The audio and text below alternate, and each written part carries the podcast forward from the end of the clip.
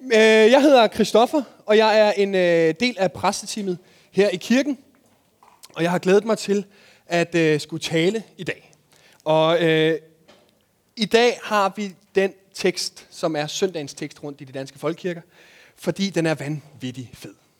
Det er historien om en mand, en lam mand, der bliver firet ned igennem et tag af fire venner ned foran Jesu fødder. Og jeg har valgt at kalde den her prædiken for tæt på livet. Og det var mest bare fordi, at jeg skulle skynde mig at finde på noget, sådan så det kunne komme på Instagram. Øh, og så tænkte jeg, at livet det dækker rimelig bredt. Så jeg tror, at min prædiken den kommer til at holde sig inden for livets grænser. Ellers så må I lige sige til, hvis jeg har bevæget mig forbi. Øhm, det helt store spørgsmål i den her tekst, synes jeg, det er, hvordan møder man Jesus? Hvordan kommer man hen til Jesus? Og vi kender jo godt måske livet efterhånden, at nogle gange så går det rigtig stærkt i livet, og man prøver at, at træde på bremsen alt, hvad man kan, men det kører bare. Og nogle gange, så kan man simpelthen ikke komme ud af vagten. Man prøver alt, hvad man kan, men man, så man bare ikke kommer nogen vejen. Sådan er livet forskelligt i forskellige faser. Det har I nok oplevet, ellers så oplever I det nok i morgen. Det skal jo komme på et tidspunkt. Men lige pludselig så opdager man, at livet det lige bare kører fra en, eller det stopper. Og det er også det, som der er lidt på spil i den her historie. Når livet går sin gang, hvordan møder jeg så egentlig Jesus? Så den her mand, han er lam, så han har lidt problemer med at komme frem til Jesus. Men det er en virkelig spændende historie. Nu kan jeg mærke, nu har jeg solgt den her historie så meget, så nu bliver det lidt snøst at læse den. Så vi kan høre den. Ja, I kan følge med på skærmene. Da Jesus efter nogle dages forløb igen kom til Capernaum, rygtedes det, at han var hjemme. Og der samlede sig så mange mennesker, at der ikke engang var plads ude for døren, og han talte ordet til dem. Så kom der nogle hen til ham med en lam, der blev båret af fire mand. Men da de ikke kunne komme hen til Jesus for de mange mennesker, fjernede de taget over det sted, hvor han var. Og da han havde lavet et hul, sænkede de borgen ned, sænkede de borgen med den lamme ned. Da Jesus så deres tro, siger han til den lamme, Søn, dine sønder tilgives dig. Men der sad der også nogle af de skriftkloge, og de tænkte i deres hjerter, hvad er det dog, han siger? Han spotter Gud. Hvem kan tilgive sønder andre end en, nemlig Gud? Da Jesus i sin ånd straks vidste, at de tænkte sådan ved sig selv, sagde han til dem, hvorfor tænker I sådan i jeres hjerter? Hvad er det letteste at sige til den lamme? Dine sønder tilgives dig, eller at rejse dig og tage din borg og gå. Men for at I skal vide, at menneskesønnen har myndighed til at tilgive sønder på jorden, siger han til den lamme, jeg siger dig, rejs dig, tag din borg og gå hjem. Og han rejste sig, tog straks borgen og forlod, forlod stedet for øjnene af dem alle sammen, så, der blev, så de blev helt ude af sig selv og priste Gud og sagde, aldrig har vi set noget lignende. Lad os bede sammen. Gud, vi takker dig for den her dag. Vi takker dig for den her morgen. Gud, vi beder dig om, at du må åbne dit ord for os i dag. Vi beder dig om, at du må tale til os og lægge det på vores hjerte, som du ønsker, at vi skal gå med hjem herfra i dag. Amen. Denne her historie er fra Markus evangeliet, kapitel 2, vers 1-12. Det vil sige, at vi er altså ikke ret langt inde i fortællingen om Jesus liv. Vi er kun to kapitler inde i det her. Og Jesus har ikke engang fundet alle sine disciple endnu. Vi er ret tidligt på stadiet, og i det første kapitel er der fart på. Jesus møder Johannes døber, han bliver døbt, himlen åbner sig, og Gud udtaler ud over ham, du er min søn, den elskede, i dig har jeg velbehag. Derefter så bliver han så lidt 40 dage ude i ørkenen, hvor han skal fristes af satan tre gange. Rimelig pakket program, han har fået fat i. Og så begynder, når han så kommer hjem fra ørkenen, så er det så arbejdet begynder. Der står i det første kapitel, at han uddriver ånder, helbreder syge, prædiker i synagoge og kalder de første disciple. Det er et kapitel, der er fart på. Og derfor er det nok ikke tilfældigt, at Jesus han tager hjem til Capernaum i kapitel 2. Nu har han ligesom været i gang, han har sat scenen, folk begynder at vide, hvem han er. Nu er det på tide måske bare lige komme hjem. Det ved jeg ikke, om I kender efter en lang efterårsferie. Kort efterårsferie. Så kunne man godt tænke sig, ah, det er også dejligt bare lige Bare lige at komme hjem. Det bliver dejligt. Men det er jo så det, at det er der mange andre, der har fundet ud af, at Jesus han er på vej hjem. Og det er også det, vi starter med at læse, at det rygtedes, at Jesus var hjemme. Og så er det bare, at der er en masse mennesker, der samler sig. Og scenariet er, at der er så mange mennesker, at der ikke er plads til andre. Der er fyldt ind i huset, der er fyldt ude på gårdspladsen, der er fyldt ude i portdøren. Og de yderste, de må stå på tær for at høre, hvad det er, Jesus han siger. Og så er det, der kommer den her lamme mand, båret af fire venner. Vi plejer at sige venner, fordi det virker rimelig venskabeligt. Der står ingen sted, det er venner, men det regner vi med. Vi regner med, det er venner. De kommer til det her sted, der er for mange mennesker. Hvad katten gør vi? Og så er det, at de tænker, at vi skal ind til ham, Jesus. Og kravler op på taget og graver et hul, eller fjerner en plade, eller hvad det man nu gør, for at på den måde at sænke, sænke den lamme mand ned til Jesus. Og det her scenarie med, at man ikke kan komme ind til Jesus, og man bliver nødt til at finde en anden vej. Den her mand, han kunne ikke bare komme ind, fordi der var mennesker, men han var også lam. Han, på den måde kunne han jo faktisk heller ikke komme ind. Han har brug for venner, og han har også brug for venner, der kunne tænke anderledes end ham selv. Og jeg har gået og tænkt over, hvad er det i vores liv, som måske kan være en menneskemængde for os? Hvad er det, der blokerer min adgang til Jesus? Det er ikke Jesus, der har sagt, du ikke må komme ind. Eller det er ikke Jesus, der har gjort, at der er alt for mange mennesker i døren, så du ikke kan komme ind. Det er fordi, der er så mange, der gerne vil hen og høre, hvad det er, Jesus han siger. Men for os i dag er det måske noget andet, der kunne stå i portdøren, i åbningen, i gårdspladsen, i hoveddøren, ind i rummet. At der er nogle andre ting, der står og fylder, sådan så det er, at vi ikke kan komme ind. Og det kan være vores eget lille hoved, der tænker, jamen jeg er ikke, hvis Jesus han kender mig, hvordan i alverden kan han så elske mig? Jeg, kan, jeg er tydeligvis ikke god, jeg kan ikke klare alle de gode ting, man skal gøre her i livet. Der er mange ting, som jeg ikke er god nok til. Der er mange ting, du ikke er god nok til. Og det kan nogle gange godt sætte tanker i gang, der hedder, så er jeg nok ikke god nok til at møde Jesus. Skam er også en af de store ting, som mange gange holder os væk fra Jesus. Ikke det er Jesus, der holder os væk, men noget, der holder os væk fra Jesus. Det kan også være alle mulige andre ting, der spærrer vejen.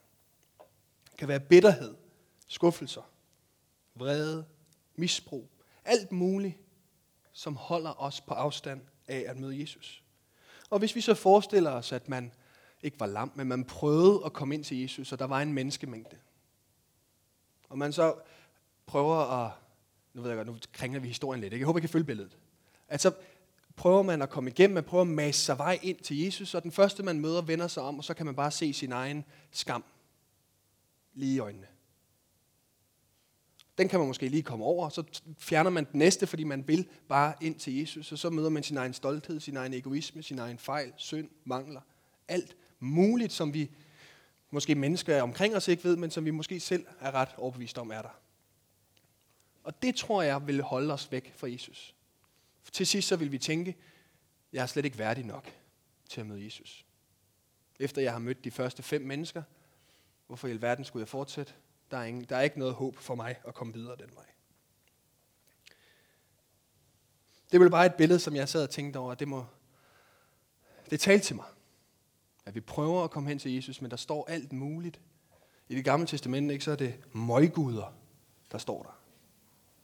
Og her så er det måske bare vores egne tankespind. Noget vi tror, at Gud han ser i os. Eller noget vi tror, der diskvalificeres. Noget vi tror, der blokerer vejen.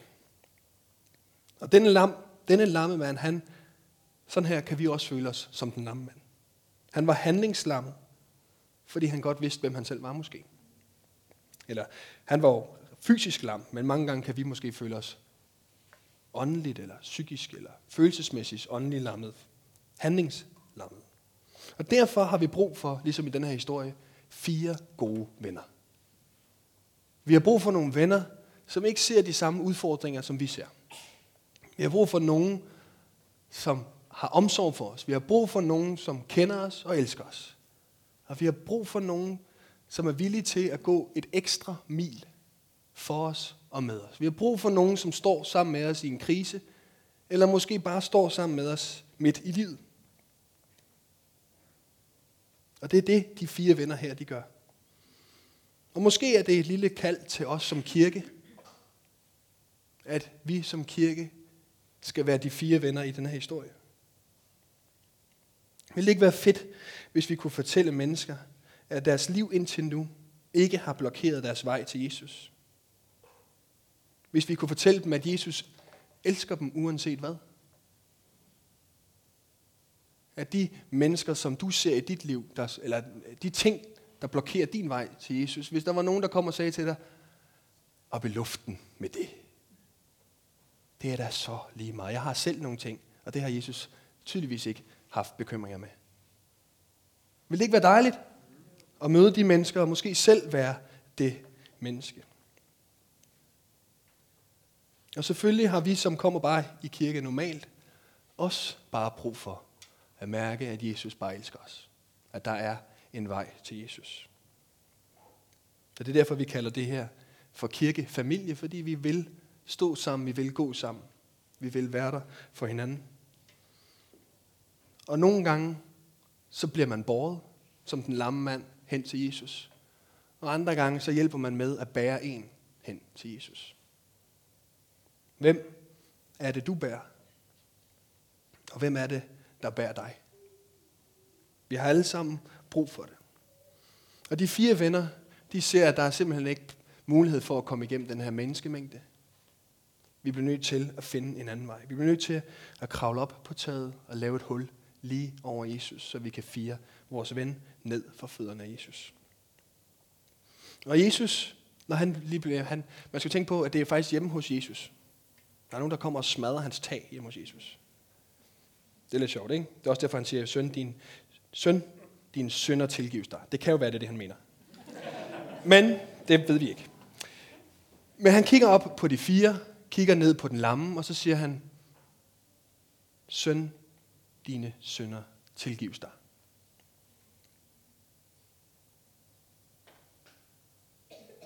Dine sønder tilgives dig. Jeg ved ikke, om det var det, de fire venner havde regnet med. Jeg ved heller ikke, om det var det, som den lamme mand havde regnet med. De havde regnet med at få ham til Jesus. De havde set i kapitel 1, at han helbreder syge, han driver onde ånder ud, han gør alt muligt fedt. Og så firer de ham ned for fødderne af Jesus, og så tilgiver han mandens synder. Kunne det jo godt være, at nogle af de fire mænd havde tænkt, det var mig, der var blevet firet ned der. Kan, kan Jesus det? Og det er interessant, at der bliver skabt et fysisk hul over Jesus af de fire mennesker. De fire venner, de skaber et fysisk hul. Det skal være et ret stort hul. En helt borger skal kunne komme ned. Men det er som om, at der også bliver skabt andre huller undervejs i historien. Da Jesus han tilgiver manden og ikke helbreder ham, så er det, der begynder at komme en lidt anden stemning i forsamlingen. Helbredet, det er fint nok. Det, det er godt. Jeg ved ikke, hvad man har tænkt dengang, at det var, det, var, det var mere i orden, at folk gjorde. Men at tilgive synder, det gør du ikke. Og det er det, som der ligesom er... Øh, det ved jeg ikke, om jeg, det er vi er kun i kapitel 2, så det er ikke, fordi de har været så trætte af Jesus endnu. Men her, der bliver de lidt trætte af. Der er kun én, der kan tilgive synder. Det er Gud. Så enten så har vi at gøre med Messias, ja, ham som vi har ventet på, ham som profeterne har skrevet om de sidste 2000 år. Eller så har vi at gøre med en eller anden blasfemiker. En eller anden, der tror, han er noget. En eller anden, der giver sig ud for at være Gud og giver falsk syndsforladelse til mennesker omkring. Hvis du skal blive tilgivet, så skal du op til templet. Du skal ofre, og det er sammen med en præst. Det er ikke i en dagligstue på, i Kapernaum med en mand, der hedder Jesus. Og det er lidt ligesom der, hvor det begynder at clashe. Jesus han opdager hurtigt, han kan mærke i sin ånd, at de tænker i deres hjerter, det er også nød. Men og så er det, at han fanger dem, og så siger, hør en gang her. Hvad er, hvad er sværest? Hvad er vigtigst? Er det sværere at tilgive synder, eller er det sværere at helbrede en lam? Og for at bevise, at jeg kan begge dele, så helbreder han også den lam. Så Jesus han på en eller anden måde skaber et hul ind i den her setting, ind i religionen, ind i jødedommen, at nu er tilgivelsen åbenbart ikke bare noget, der er nede ved templet. Men nu er denne her mand en, der kan give tilgivelse. Og han giver det til en lam, som tydeligvis er lam, fordi hans forældre har syndet. Har vi hørt det mange gange i, i løbet af i Bibelen, at dem, der var lamme, dem, der var alt muligt handicappet, det var fordi, der var en synd, der var, der var nogen, der skulle straffes for. Så han giver det til en synder, til en, der ikke er en del af fællesskabet, en, der ikke engang har mulighed for at komme ind i templet. Og han gør det til nogen, som har lige har vandaliseret hans eget hjem. Tilgivelse bliver ligesom den nye vej. I stedet for noget for noget, så får man bare tilgivelse. Som Anne sagde, vi, giver bare, vi stikker hænderne frem og siger vi bare tak. Vi har ikke fortjent det, men vi siger tak. Og der bliver ligesom sprunget et hul. Og så er det, at historien den vender 120 grader. 120? Ja. ja. Jeg er teolog, så det er 180, ja. 120, ja, det var dumt. Godt. 180, 360, hele vejen rundt. Det kan jeg godt. Så er det, historien den vender sig 180 grader. Denne her mand, han får nu at vide, rejs dig op, tag din borger, så gå hjem med dig. Og hvis man prøver at forestille sig, de mennesker, som blokerede mandens indgang før, de er nu med til at bane vej for, at han kan komme ud igen. Og i vores liv, hvordan er det, det så det kunne se ud? Det kunne se sådan ud, at de ting, som vi ikke kunne komme igennem, skyld, skam, synd, komme til kort, alt mulige ting, som vi bliver ved med at dømme os selv med, kan vi nu på en eller anden måde kigge lige i øjnene og gå lige forbi, fordi det åbenbart ikke er det, det handler om. Nu er historien vendt. Nu kigger vi ikke ind i nakken på alle de dårlige ting. Nu kan vi kigge dem lige i øjnene. Med Jesus bag os, så er der lige meget med, hvad du har gjort, og hvad, hvem du er, og hvad du har lavet, og hvad du tænker, og hvad du ikke gør, og hvad du gør. Men du er blevet tilgivet, og dit liv er blevet forvandlet, og nu er du klar til at gå ud igennem det hele. Og kigge det i øjnene og sige, det kan godt være, det var sådan, jeg var engang, det er ikke sådan, jeg er mere. De her ting, som før afholdt mig, de kan ikke afholde mig længere. Jeg synes, det er et meget, meget stærkt billede. At nu, kan man, nu baner de vejen for en, at nu kan man bare gå ud.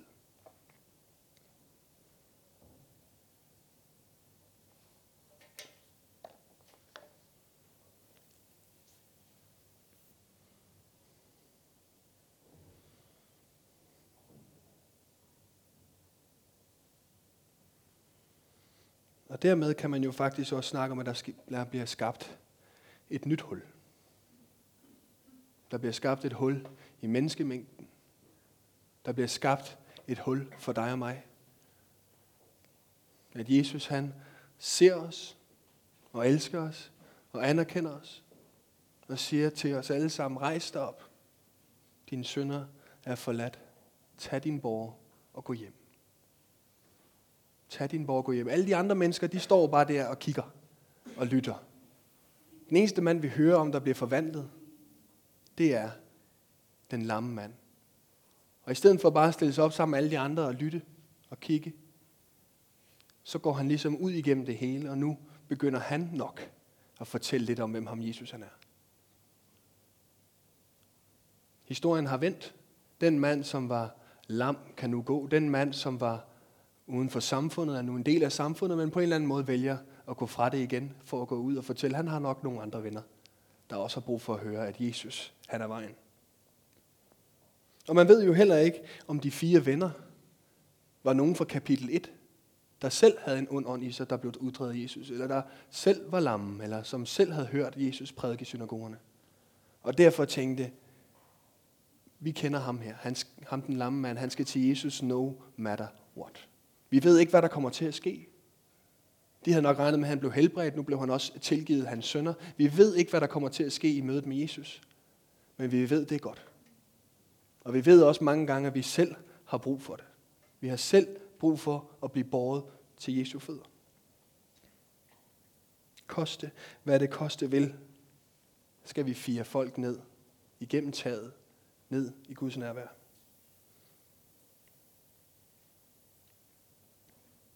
Så enten bærer man, eller så bliver man båret. Og det synes jeg bare er en dejlig opmundring til os som kirke. At vi har brug for nogen, der hjælper os forbi alt det, som vi ikke selv kan komme forbi. Vi har brug for at hjælpe. Vi har brug for hjælp til at blive firet ned foran Jesu fødder. Og som vi har oplevet det, så har der nok også andre mennesker, der har brug for at blive firet ned foran Jesu fødder. For vi har alle sammen brug for at være i Guds nærvær. Det er der, hvor at vores liv det bliver forandret. Vi har alle sammen brug for fire venner. Vi har alle sammen brug for kirken, der har fundet det hul. Skal vi ikke rejse os op og bede sammen?